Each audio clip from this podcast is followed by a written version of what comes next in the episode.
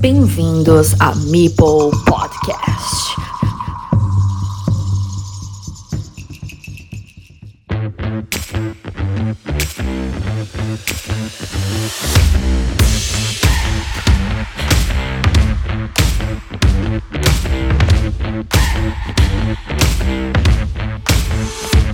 Decimoquinta jornada de Liga Carcassonne Spain y nos quedan dos para finalizar la temporada tanto en élite como en segunda.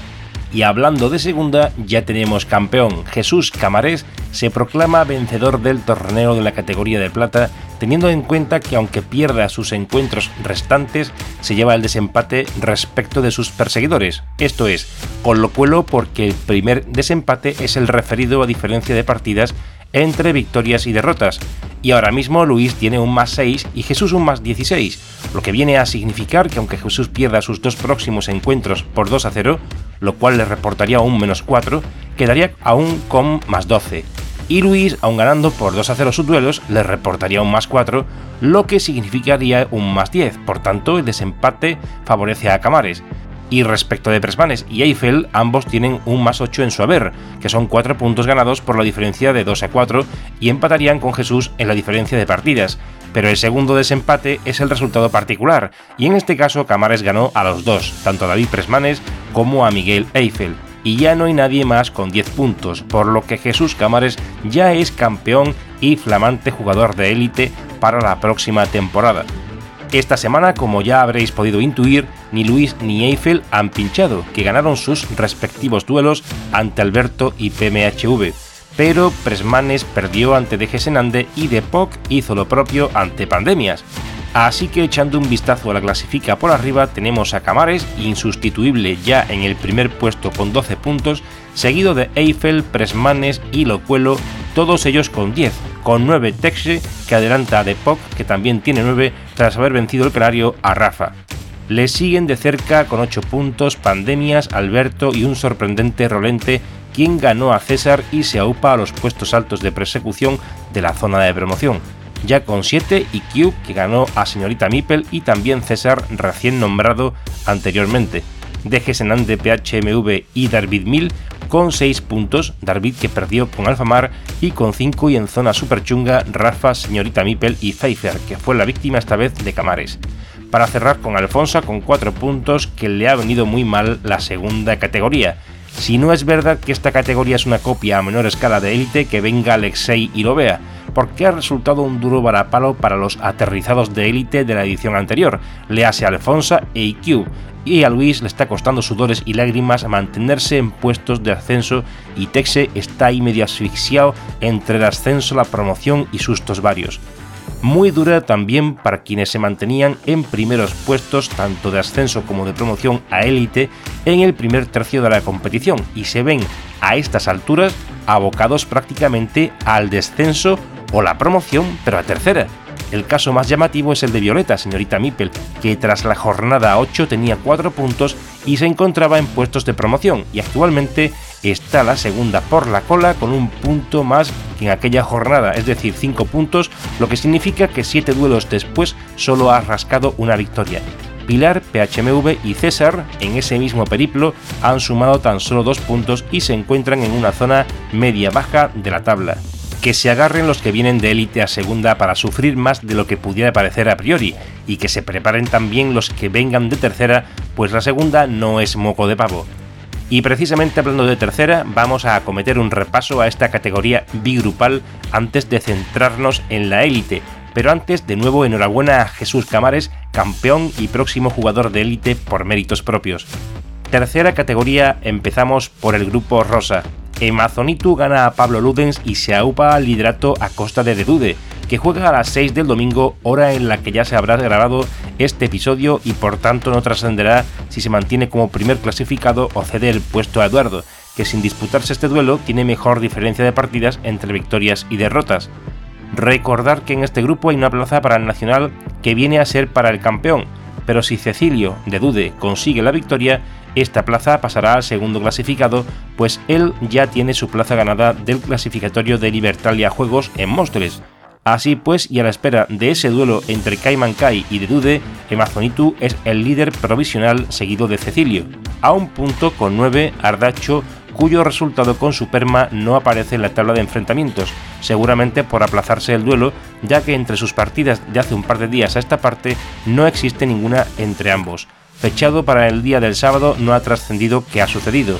Luego vienen con 7 puntos tres jugadoras, entre las que se encuentran también Superma, del duelo antes comentado con Ardacho, y que la clasificación está entre Lady of Avalon y Lady Pendeja, con 6 Rader, Gebai y Pablo Ludens. Gebai que ganó esta semana a mi Explorador y Rader a Lady Pendeja y Pablo que perdió con Amazonitu como comentábamos al inicio de este repaso de tercera. Lady of Avalon ganó a Ibai y el resto de jugadores no tuvieron duelo por producirse el descanso en su jornada, con lo que el resto de la clasificación queda así. Mipel Explorador con 5 puntos, con 4 Cayman Kai, Crisis y B, con 3 Paco Quiles el viernes toca jugar y con 0 puntos Carmen Ludoteca. En tercera naranja descansaban hasta tres jugadores y no hay fecha hasta el momento de la grabación para los duelos entre Zika Chumi 92 y Kikila Elige Juego. Por cierto, estos enfrentamientos pendientes tienen consecuencia directa en la parte alta de la clasificación porque tanto Zika como Kikila se hallan en zona de promoción. El JP Bala Blandito transcurrió con victoria para Pepe, que se aupa al sexto puesto aprovechando la jornada de descanso de Vanessa, Saiz Chezarreta, y este aplazamiento del Zika ante Shumi 92. Douglas GTI gana a Que Te Veo por 2 a 1, con lo que David deja un punto atrás a su compañero en la tabla para destacarse y ponerse en segunda posición, acechando a Orberiki, que está a 2 de distancia, que esta semana ha ganado a Juan ZGZ y se mantiene líder de esta categoría. Ojo que Borberiki pertenece al ámbito catalán y si decide o si ya lo ha decidido jugar el Nacional catalán y gana la tercera naranja, su plaza para el Nacional de Debir será para el segundo clasificado de este grupo. Seguimos, y Manolea de Skate 0-2 y Rose Canica 2-0 para Rosana. La tabla, aparte de Borberiki con 12 puntos y Douglas con 10, continúa con Kikila y que te veo con 9 puntos, aunque Kikila con esa partida menos comentada antes, con 8 Zika, también con duro de menos, JP Bala y Vanessa con 7 de Sky, con 6 Rogues y Elige Juego, con 5 Imanolea y Solquido, con 4 Cristina Huertas y con 3 Juan ZGZ, con 2 Chumi 92 y Canica con un puntito blandito. Nos pasamos ahora sí a la categoría élite. Repasamos desde abajo. Manel 2 puntos, farolillo rojo, aunque aún no descendido matemáticamente debido a las posibilidades de carambola y de diferencia de puntos en los dos duelos que restan. Esta jornada 15 se enfrentaba a Carlos, rival directo y al que pisa los talones, y es un enfrentamiento que no ha tenido lugar al cierre de la grabación. Por tanto, Manuel colista y Carlos Mazcán segundo por la cola, pero empatado con Carlos están en el tercero y el cuarto por abajo, puestos 15 y 16 de la Liga Élite, que son para Carquiñolis y Fisiquito, el cordobés esta semana perdió ante Oscaridis por 1 a 2. Oscar, por cierto, al que le queda menos que a un reloj de arena del tamaño de un Twingo para soltar el título de campeón de España. Luego Miriam, la catalana, que aun habiendo perdido le ha creado una indigestión a Estroncio, a ganarle una partida que puede resultar decisiva para el de Logroño, ya que con este resultado queda a merced de Zocanero, quien puede arrebatarle el liderato de esta Superliga. Pero a Miriam no le consuela esto, ya que aún quedan dos jornadas y se mantiene en puestos de promoción y juega en la próxima ante Mazcán, también rival directo en esta tesitura. Por cierto que Carlos, al tener que enfrentarse a oponentes de su misma zona de la tabla, depende de sí mismo para distanciarse de esta situación negativa. Si el campeón de España, Oscar, ya se ha salvado de la quema a falta de dos jornadas, al subcampeón no le queda otra que amarrarse los machos y tirar para adelante. Lo malo para Carlos es que la última jornada se enfrenta a Senglar, Duro de pelar, duro de pelar. Seguimos, Juliano Apóstata con 5 puntos, bajará segunda o se verá abocado a una promoción. ¿Se imaginan un enfrentamiento entre el del Twitch y el del podcast para conseguir una plaza de élite? Lo que sí es cierto es que Juliano lleva las de perder esta jornada porque se las ve con Zocanero, y este no puede dejarse de cepillar la espalda como gatito bueno, ya que el romano es de los que no acarician con los dedos, sino con lija, Así que menudo duelo aplazado se han marcado en esta jornada tanto Juliano como Zoca. Mick Crack, que se quedó sin aliento durante una gran parte de la temporada, levantó el vuelo pero permanece en las bajuras a un puntito de decidirse su futuro en la competición de Liga Carcassonne Spain. Ganó esta jornada hacia Matt, para respirar tranquilo, pero tiene que vérselas con Juliano, al que anticipo que le van a dar por el Ohio entre Zoka y Micrack. La última de Miguel es ante Carolina, que ya no se juega nada, pero que siempre es una rival muy incómoda para resultar ser una jornada decisiva y además la última de la competición. Por encima de Micrack está Bonin con 6 puntos también, que esta semana ha perdido ante Rakarot, y dos duelos que le quedan en el tintero son ante Gudul y Goscaridis, casi nada, así que cuidado Arturo, pues no te puedes fiar.